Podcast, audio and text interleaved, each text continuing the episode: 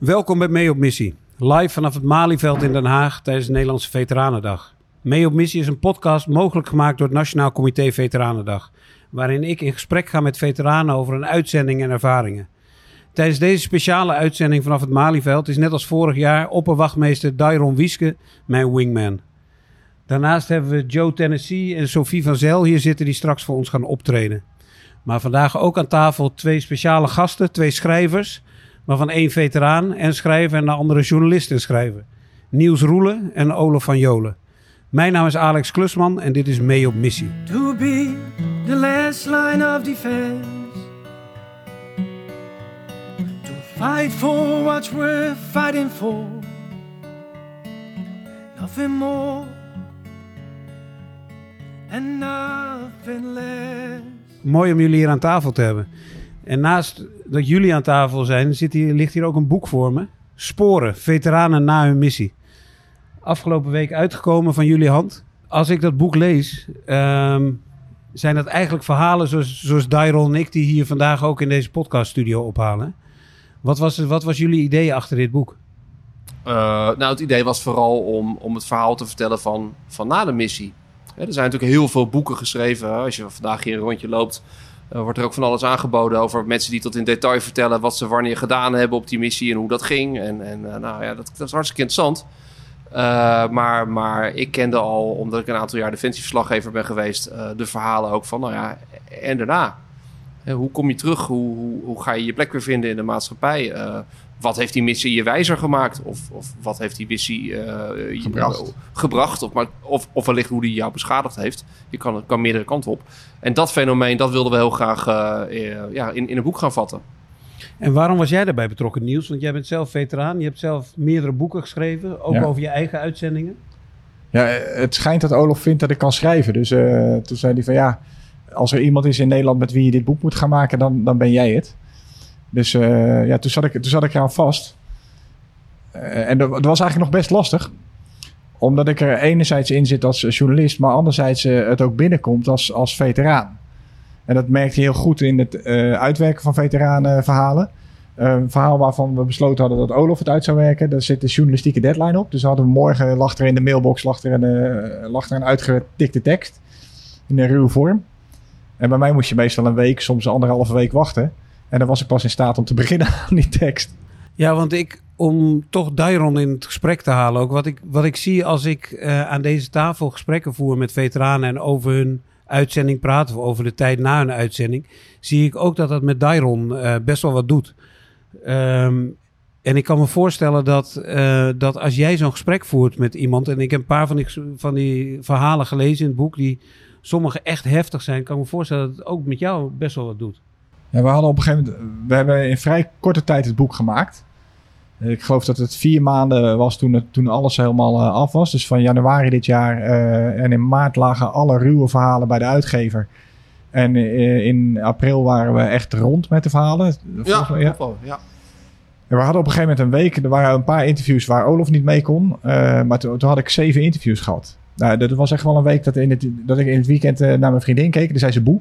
En dan begon ik bijna te huilen. Gewoon omdat alles zo uh, in me zat. Ja, dat, uh, er zit gewoon veel herkenning in. Het maakt niet uit of je met een Korea, een Indië, een Libanon of een uh, Oeruzgan-veteraan spreekt. Op missie beleven militairen nog steeds wat ze eigenlijk al eeuwenlang beleven. Want wa wa waar zit de herkenning? Nou, de, dingen die ze meemaken, hoe het is om uh, met veel minder dan je gewend bent in een, in een bepaald gebied te zitten, te moeten uh, uh, afhankelijk zijn van je, van je collega's, van je buddies, van je maten. Um, hoe het is om in een gevecht te zitten. een, een, een IED in Afghanistan heet in Indië een trekbom. Maar het is en blijft hetzelfde.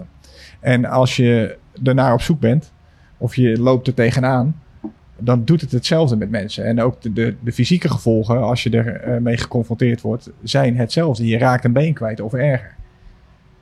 He, dus, en en dat, dat soort dingen zijn niet uh, veranderd. Er zitten nu een zestal Oekraïense militairen in het revalidatiecentrum in, in, in Doorn. Ik durf te wedden dat voor hun die oorlog een stuk heftiger dan, dan Oeruzgan. Maar wat, het, wat zij gezien hebben, wat ze beleefd hebben, dat als je met ze gaat praten, daar zit herkenning. Wij weten wat het is. Ja, het is hetzelfde. Ja. Het is hetzelfde. Het laatste hoofdstuk is een heel kort hoofdstuk.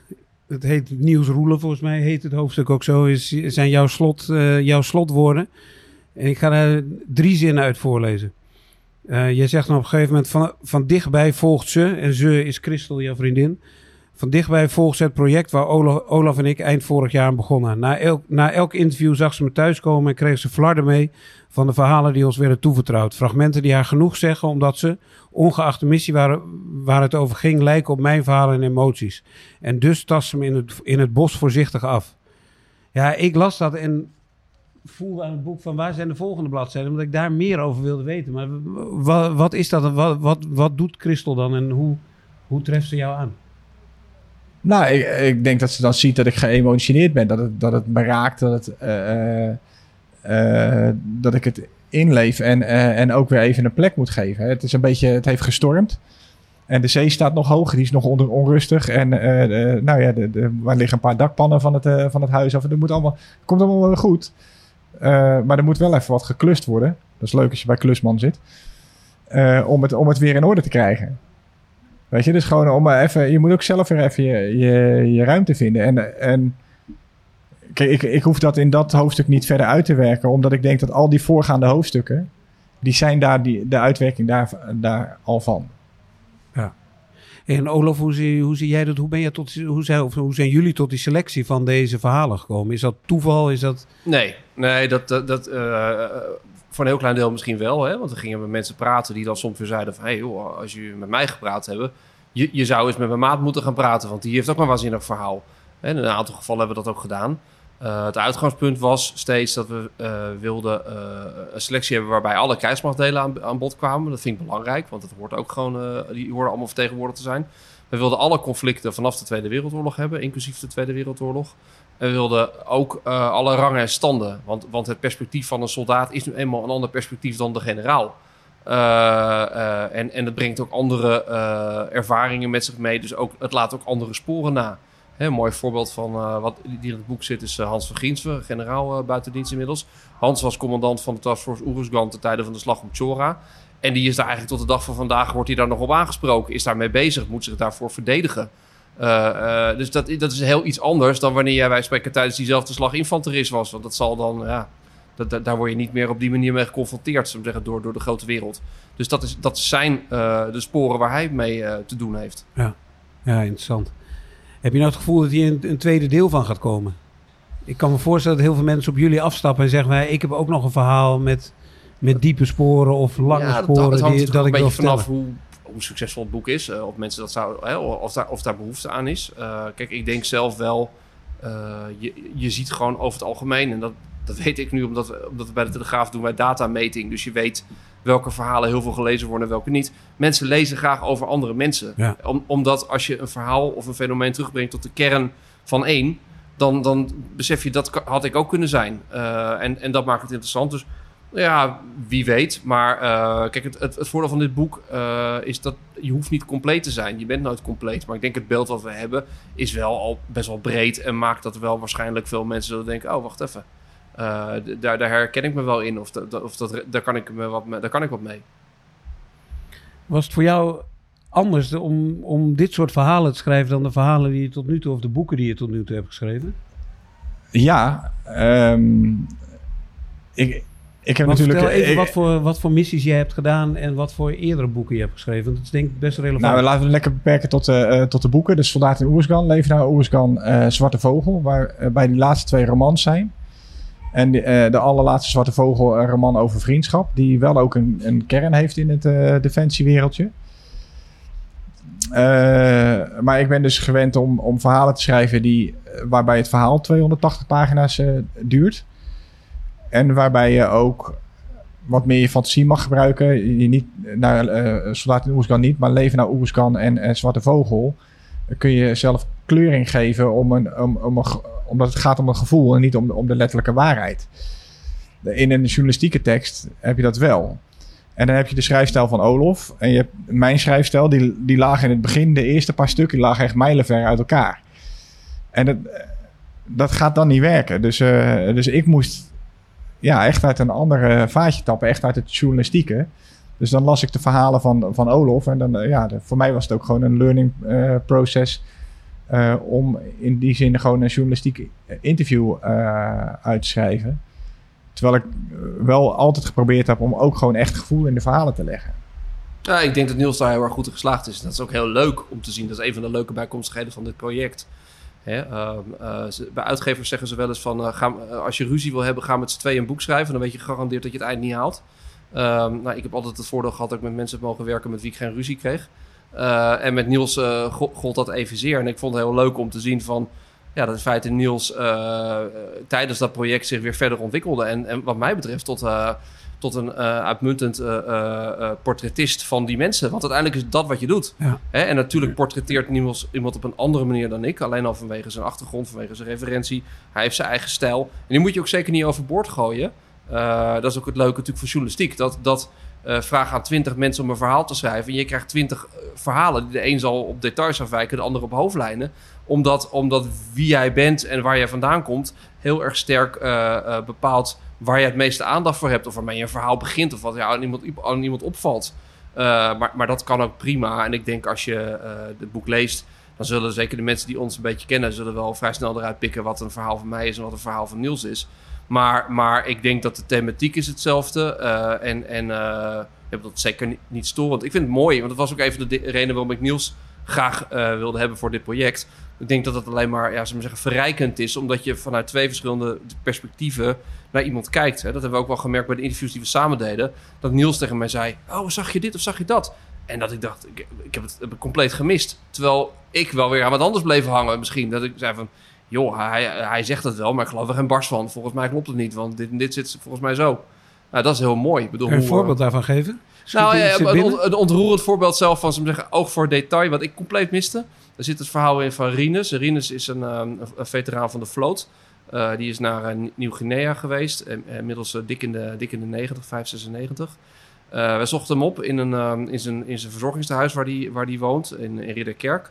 En nou ja, de, Rinus zegt zelf, dit is, dit is mijn laatste haven. Hierna is alleen nog, is alleen nog het graf is er. Eh, en, en nou ja, dat, dat, dat zag ik een beetje aan hem. Hij was inmiddels gewoon nou, moe en een hele oude man.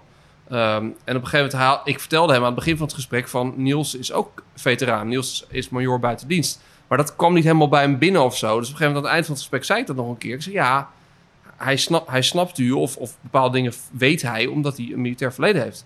En dus ik, ik zocht op mijn telefoon even een fotootje van Niels op in Afghanistan, liet dat zien. En toen viel het kwartje bij Ja, hem. En toen zei hij, oh, eh, welke rang had u dan? Dus Niels die zei, eh, major.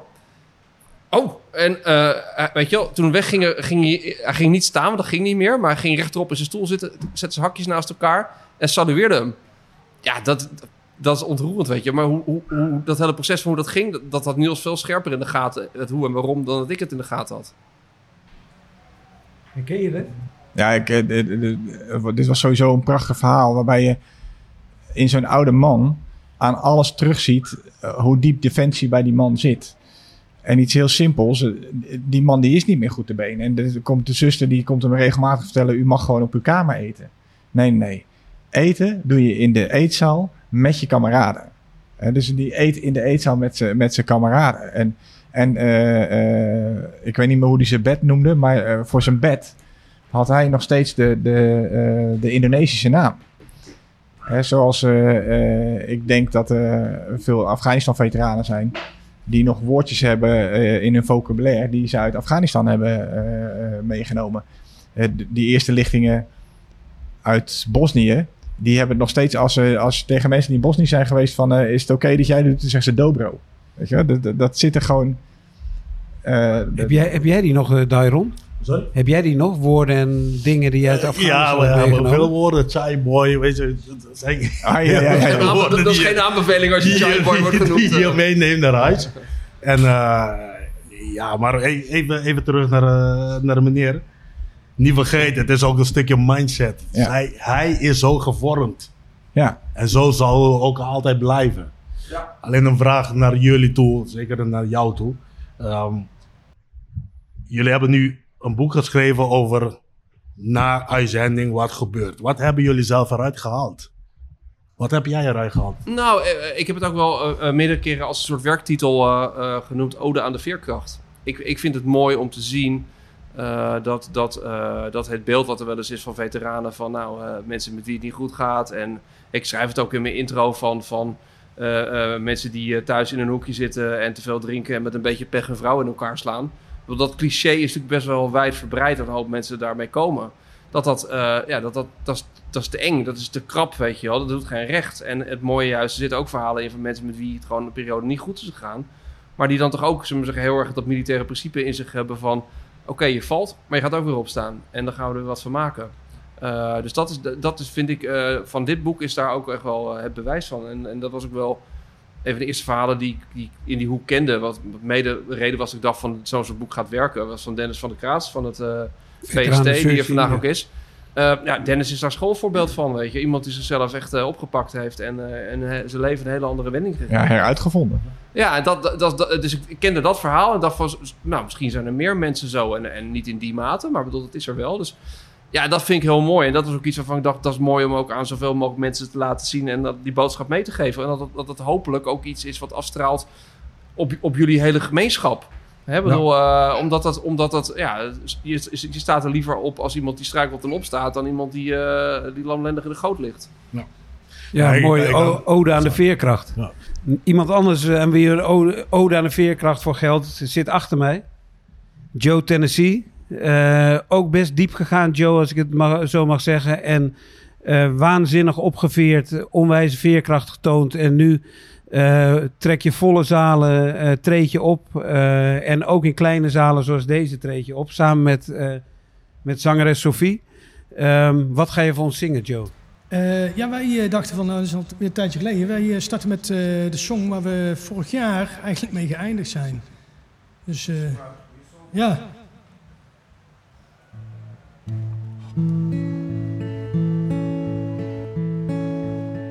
I'm proud to serve my country, to be the last line of defense. to fight for what's worth fighting for. Nothing more and nothing less. To be a soldier, a strong belief in what is wrong or right. Standing shoulder to shoulder, side by side willing to bleed and ready to fight.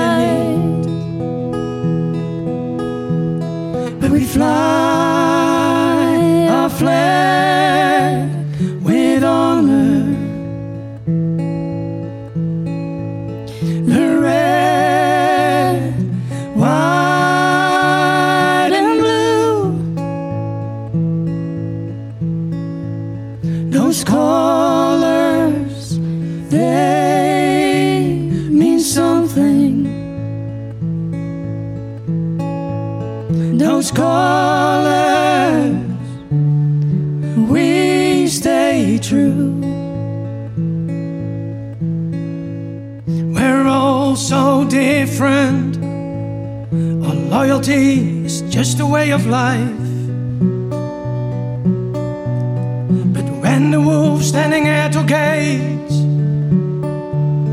it's in my blood, it's in my veins.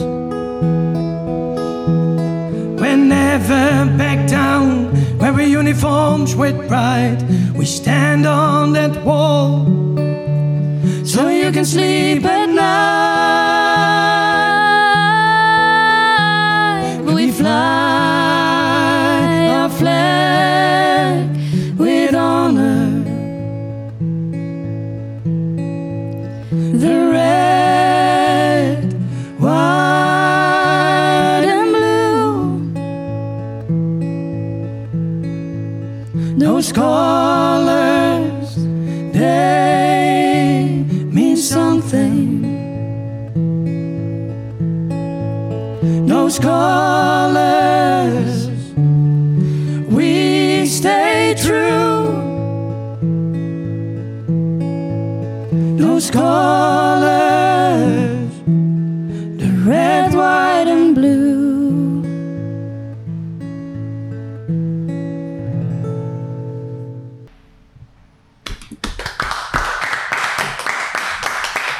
Joepie Thijs en Sophie van Zel, onwijs bedankt voor dit prachtige nummer Proud to be a Soldier. En Niels Roelen, Olaf van Jolen, heel veel dank voor jullie bijdrage aan deze podcast.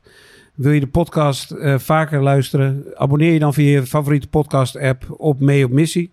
En we zijn ook te zien op YouTube, youtube.com slash veteranendag. Deze podcast is mede mogelijk gemaakt door het Nationaal Comité Veteranendag. En Dairon Wieske, heel veel dank ook voor jouw bijdrage. Graag gedaan.